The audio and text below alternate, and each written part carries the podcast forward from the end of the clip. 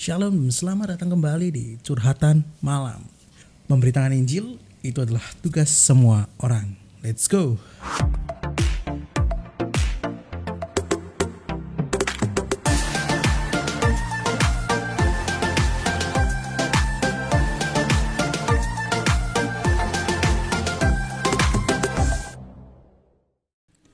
Pada curhatan malam hari ini kita akan berbicara tentang dimerdekakan dari dosa. Wow, aku yakin pasti kalian suka dengar khotbah ini ketika 17 Agustusan. Itu pasti akan terus dan terus dikhotbahin gitu. Tapi hari ini mungkin aku boleh boleh lah ya untuk ngomong di bulan lain selain bulan Agustus. Karena ketika aku ketika aku mulai merenungkan apa yang harus kubawa kepada kalian, aku keinget tentang kemerdekaan ini. Seringkali, ya aku adalah orang yang sudah ditebus sama Tuhan. Ya, aku adalah orang yang tidak berdosa. Eh, orang yang tidak berdosa. Orang yang tidak melakukan lagi dosa, misalnya kayak gitu. Ya, aku adalah orang yang dicintai dan dimerdekakan. Aku udah benar-benar bebas dari dosa dan akhirnya sekarang aku hamba Tuhan. Iya, semua orang tahu akan hal itu. Tapi pertanyaannya, kita ketika kita ngomong itu, jangan-jangan tangan kita masih diborgol sama dosa. Karena apa? Kemerdekaan itu nggak bisa diomong pakai vokal atau verbal. Tapi kemerdekaan itu harus pakai action dan mindset. Ketika penjajahan Indonesia aja, ketika mau memerdekakan sesuatu butuh perjuangan, butuh mindset yang diubah butuh action untuk deklarasi kemenangan deklarasi kemerdekaan kayak gitu. Sama dengan halnya itu yang diubah bukan cara ngomong kita yang diubah adalah cara pikir kita. Kalau kita sudah diperdekakan masa kita mau masuk sendiri? Kita masuk ke lubang harimau. Kita masuk ke pornografi. Ya katanya sudah dimerdekakan kok masih ke sana? Kok masih rokokan? Kok masih narkoban namanya dibebaskan ya artinya kalian jangan masuk ke sana. Dibebaskan berarti kalian sudah di sudah diselamatin sama tim ya. Ibaratnya kalian dirampok gitu ya eh dirampok di, di sandra lah. Terus kalian dibebasin sama mungkin tim dari kepolisian terus kalian akhirnya bebas keluar dari rumah itu tapi kalian masuk lagi kayak gitu loh. Kalian jadi bebaskan kok masuk ke sana lagi. Seperti halnya itu dalam hidup kita kita sudah dimerdekakan mungkin Tuhan sudah berikan satu uh, mentor mungkin atau dua atau tiga mentor dalam hidup kalian. Itu berusaha untuk menyelamatkan kalian. Kalian kok nggak mau belajar action untuk apa namanya meninggalkan hal itu gitu. Tapi nggak bisa kok sulit kecanduan. Iya paham. Aku juga pun dari orang yang kecanduan. Tapi yang diubah pertama kali adalah mindset kalian dan bagaimana kalian mau punya kerinduan kok kalian dibebaskan maksudnya gimana? Ya ketika kita mungkin ngalamin mau jatuh dalam dosa kita harus ingat kita telah anak yang sudah ditebus dan kita telah anak yang dimerdekakan. Jadi kita harus ngomong kita harus by diri kita sendiri. Nggak bisa firman itu cuma nempel dan kita kita biarin di hati nggak bisa. Tapi kita harus declare pakai mulut kita. Wah aku adalah anak yang dimerdekakan ngapain aku harus masuk ke perangkapku sendiri? Berarti seperti itu. Jadi ketika kita ngalamin hal-hal yang sulit hal-hal yang kita nggak bisa dulunya kita terikat akan hal itu terikat mungkin kita jadi orang yang pemarah mungkin pemarah yang pendendam. Nah hari ini ngomong kalian pada kalian kalian tuh sudah dibebaskan. Dan kalian itu akan cuman ada dua pilihan hamba. Hamba Yesus dan hamba iblis kita nggak bisa ngomong ketika kita dimerdekakan bilang gini oh berarti aku tinggal bebas saya nanti ketika aku berbuat dosa aku minta maaf lagi sama Tuhan. Kan ada di mana kita ngomong kita mengaku dosa kita dia memaafkan dia mengampuni dosa kita. Tapi aku percaya akan hal ini sih. Orang-orang yang sudah merasa dirinya dimerdekakan merasa dirinya dipu, uh, apa dipulihkan merasa dirinya ditebus merasa dirinya mendapat sesuatu yang mahal itu dirinya nggak akan main-main sama status itu Roma 6 ayat 15 berkata kayak gini ini tentang dua macam perhambaan. Jadi kalau Roma 6 ini tentang keselamatan ya, ada beberapa yang eh Roma 5 6 itu tentang tuh uh, pemberian dari Tuhan. Kayak gitu. Sebelum sebelum-sebelumnya juga sih. Jadi um, tentang uh, keselamatan ini berasal dari Tuhan. Dan itulah intinya. Terus Roma 6 ayat 15. Jadi bagaimana?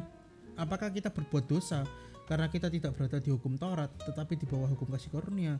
Tuhan berkata apa? Sekali-sekali tidak karena apa? Ketika kita di dalam di bawah hukum Taurat, kita penuh dengan aturan yang ribet banget. Dan sebenarnya hukum Taurat ini adalah cerminan bahwa kita itu memang nggak akan bisa menunjukkan bahwa kita mengenapi hukum Taurat itu nggak akan bisa semuanya, nggak akan bisa. Gitu. Jadi hukum Taurat adapun itu karena kesombongan bahasa Israel, seperti halnya itu, ketika, ketika kita berusaha mengenapi malah nggak bisa, maka justru Tuhan turun bukan? Karena dia tahu hanya dia yang sanggup untuk mengenapi hal itu. Dan dia sudah genapin itu dan kita sekarang nggak lagi dalam hukum Taurat. Kita nggak lagi takut untuk dihukum tapi kita takut mengecewakan dia. Jadi mindsetnya harus diubah. Bukan kita takut untuk dihukum tapi kita takut ngecewain orang yang sudah baik sama kita ketika orang-orang dimerdekakan itu butuh yang namanya satu semangat satu satu keinginan yang kuat. Ketika kalian sekarang mungkin lagi dalam belenggu dosa dalam belenggu mungkin dosa apa ya dosa pornografi dosa amarah mungkin pendendam membalas dendam lah apalah terserah gitu.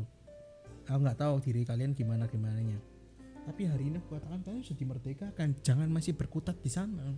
Jangan bermain-main dalam lumpur dosa. Kayak gitu. Yang diubah adalah mindsetnya sering kali orang nggak nerima yes aku dimerdekakan yes aku diselamatkan tapi mereka nggak pernah merasakan itu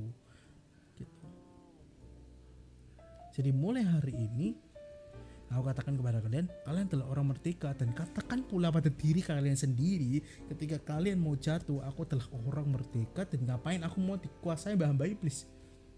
Sorry, sama Tuhan iblis kayak gitu. Ngapain aku masih dengerin suara dia kalau misalnya aku bukan lagi hambanya. Kita hamba kebenaran. Ngapain aku denger suara yang bukan Tuhanku? Gitu ketika mungkin kita kesepian terus kita akhirnya pengen bunuh diri ya ngapain kita dengar suara itu gitu loh kita sudah dimerdekakan akan hal itu kita mau jatuh dalam pornografi lagi ya itu kemarin kita bisa kejebak tapi hari ini enggak karena aku sudah kan kepada kalian kalian telah orang merdeka jadi kalian khotbahi diri kalian sendiri. Nggak bisa nempel di hati Tuhan nggak bisa. Harus kalian khotbahi sendiri karena iman timbul dari pendengaran. Nggak akan bisa kalian ngelawan godaan itu. Ketika kalian apa namanya cuman diem harus ada action harus bahkan kalau dosa-dosa lain pun ada beberapa yang harus lari dari dosa itu harus menjauh dari dosa itu. Jadi nggak bisa kita cuman diem ah, aku nggak mau pornografi nggak akan aku nggak akan pendendam nggak akan nggak akan. Nggak bisa cuman gitu doang nggak bisa gitu. harus tahu why kenapa dasarmu apa karena iblis gak bermain di doktrin iblis bermain di mindsetmu Iblis gak, gak bermain di doktrin, iblis menggoyahkan imanmu. Iblis gak main di doktrin, iblis bermain di menggoyahkan prinsip hidupmu. Prinsip kebenaran firman. Karena apa doktrin gak akan bisa digoyang-goyang dalam hidupmu. Tapi ketika kalian sudah salah dasar iman, kalian salah pengertian, iblis itu tahu firman. Masalahnya di sana, dia lebih lama hidup daripada kita.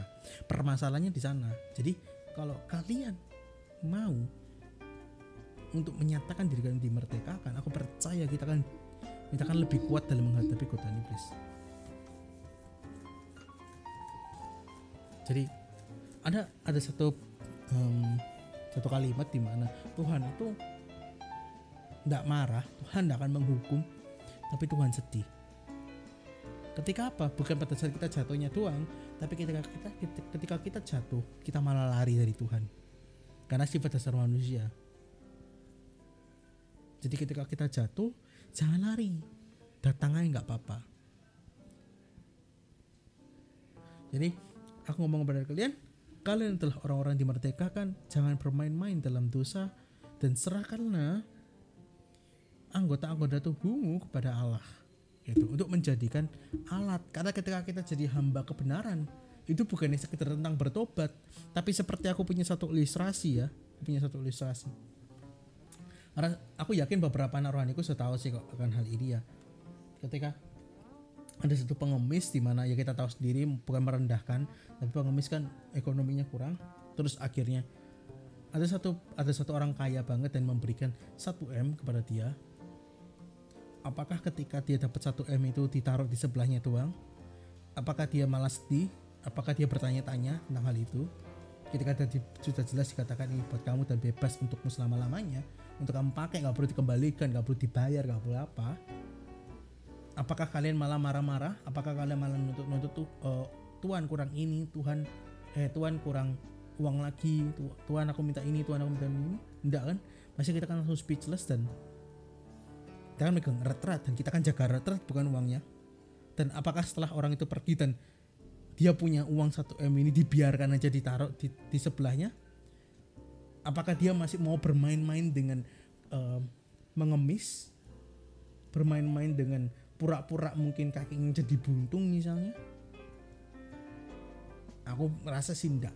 Dia akan langsung gunakan apa namanya hak yang dia punya untuk merubah hidupnya dia akan jadi naik level mungkin jadi pengusaha mungkin bahkan jadi orang sukses sukses dari cuman satu m ini kayak gitu karena satu m banyak bukan kayak gitu nah akhirnya hidupnya berubah dan dia nggak pernah lupakan jasa orang itu dan dia benar-benar sangat sangat sangat menghargai uang dan momen di mana dia ngalamin itu.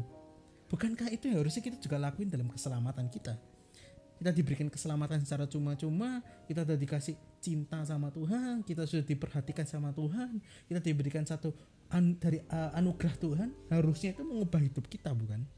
Tapi tapi kalau orang-orang yang masih belum menghargai tentang keselamatan itu, sorry to say, hidupnya akan tetap sama ketika dia terima Yesus dan sampai detik ini ini kebenaran karena aku percaya kalau ngomong tentang uang aja hidupnya berubah apalagi dia bertemu dengan Yesus yang ngalamin Yesus dan terima keselamatan pertama kali dalam hidupnya. Lahir baru dalam hidupnya. Hidupnya nggak akan terus sama. Dia akan terus next level. Yang dulu awalnya kecanduan berhenti. Yang dulu awal yang ngomong kasar berhenti. Ngomong kotor berhenti. Yang awalnya dulunya pemarah berhenti pemarah. Ya bukan berarti nggak bisa sama sekali. Mungkin kita bisa kepleset tapi bukan berarti bermain di sana. Yang dulu kecanduan pornografi berhenti. Karena dia tahu aku dimerdekakan dan aku diberikan secara cuma-cuma. Aku sudah diberikan satu fasilitas kenapa aku nggak mau berubah? Pertanyaannya bukan bisa nggak bisa tapi mau nggak mau. Orang terlalu mikir gimana cara berubah gimana cara berubah gimana cara hidupnya bisa jadi lebih dekat sama Tuhan. Nggak udah ada caranya cuma satu. Cara mendekat ke Tuhan cuma satu doang. Ya kalian mulai hari ini dan katakan Tuhan aku pengen lebih dekat denganmu udah ngomong terus aja sama Tuhan. Kalian kan deket-deket sendiri. Kayak gitu. Gak usah dipikir aku udah seberapa deket sama Tuhan ya. Kayak gitu. Bukan hanya mikir tentang itu tapi aku yakin ketika kalian sudah lewati semua banyak metode deket sama Tuhan kalian pasti deket sama Tuhan. Tapi nggak perlu dinilai seberapa deketnya. Kayak gitu. Aku yakin ketika kita mau sudah baca firman ah kurang ah aku pengen ngomong-ngomong sama Tuhan.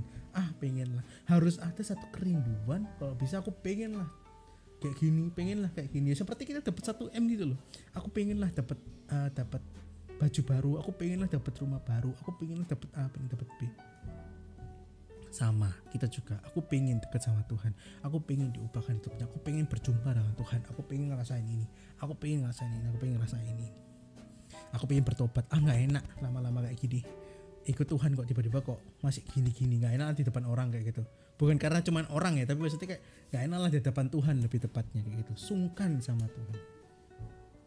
Nggak enak sama Tuhan. Oke? Okay? semoga ini member, bisa memberkati kalian. Jadi dimerdekakan bukan prinsip eh bukan bukan cuman ngomong tapi itu mindset. Ketika kalian mau jatuh katakan pada diri sendiri aku adalah anak yang dicintai dan aku sudah dimerdekakan. Ngapain aku bermain dengan ini? Believe or not ketika kalian taat sama Tuhan Tuhan akan bela kalian itu pasti sih kayak gitu tapi kita pertanyaan mau taat enggak gitu oke okay? jadi sekali aku katakan kalian sudah dimerdekakan dan jangan mau dipermainkan sama iblis karena iblis akan terus menggoyahkan kepercayaan kalian iman kalian oke okay? semoga ini memberkati kalian Sebelum selesai kita doa dulu. Tuhan terima kasih buat hari ini Tuhan. Kami boleh belajar telah kami telah orang yang dimerdekakan. Kami nggak lagi di bawah hukum Taurat. Kami bawah, di bawah hukum kasih di mana ketika kami mungkin berbuat salah ataupun ap- uh, apa pun yang akan atau yang sudah kami bukan takut dihukum. Tapi kami takut jauh daripadamu. Kami hanya pengen Tuhan dekat denganmu. Kami hanya pengen Tuhan untuk bisa semakin mengenalmu. Dan kami terima kasih Tuhan buat keselamatan yang kau berikan sekali untuk selama-lamanya. Kami rindu kami kepengen hargai itu dan kami ingin jaga itu dengan hidup kudus dengan hidup yang sesuai dengan kehendakmu. Biarlah Tuhan kami serahkan anggota tubuh kami ke tangan kuasamu. Tuhan cintamu kasihmu lah yang terus ada dalam hidup kami dan ketika kami hari ini ada kecanduan akan apa pun Tuhan kami komitmen di dalam nama Yesus kami pengen lepaskan itu semua Terima kasih Tuhan Yesus. Hanya di dalam namamu kami berdoa dan mengucap syukur. Amin. Kalau kalian suka dengan episode hari ini, kalian boleh share, kalian boleh mungkin nobar, eh bukan nobar ya. Gak tahu ya, bukan nobar berarti pokoknya dengerin bareng mungkin dibuat sate bisa buat sate pribadi tambahan mungkin terserah kalian bisa lakukan apa pun untuk ini. Cara yang terbaik, cara yang paling gampang adalah membagikan ini. Itu kalian sedang memberikan Injil. See you di episode berikutnya and God bless you.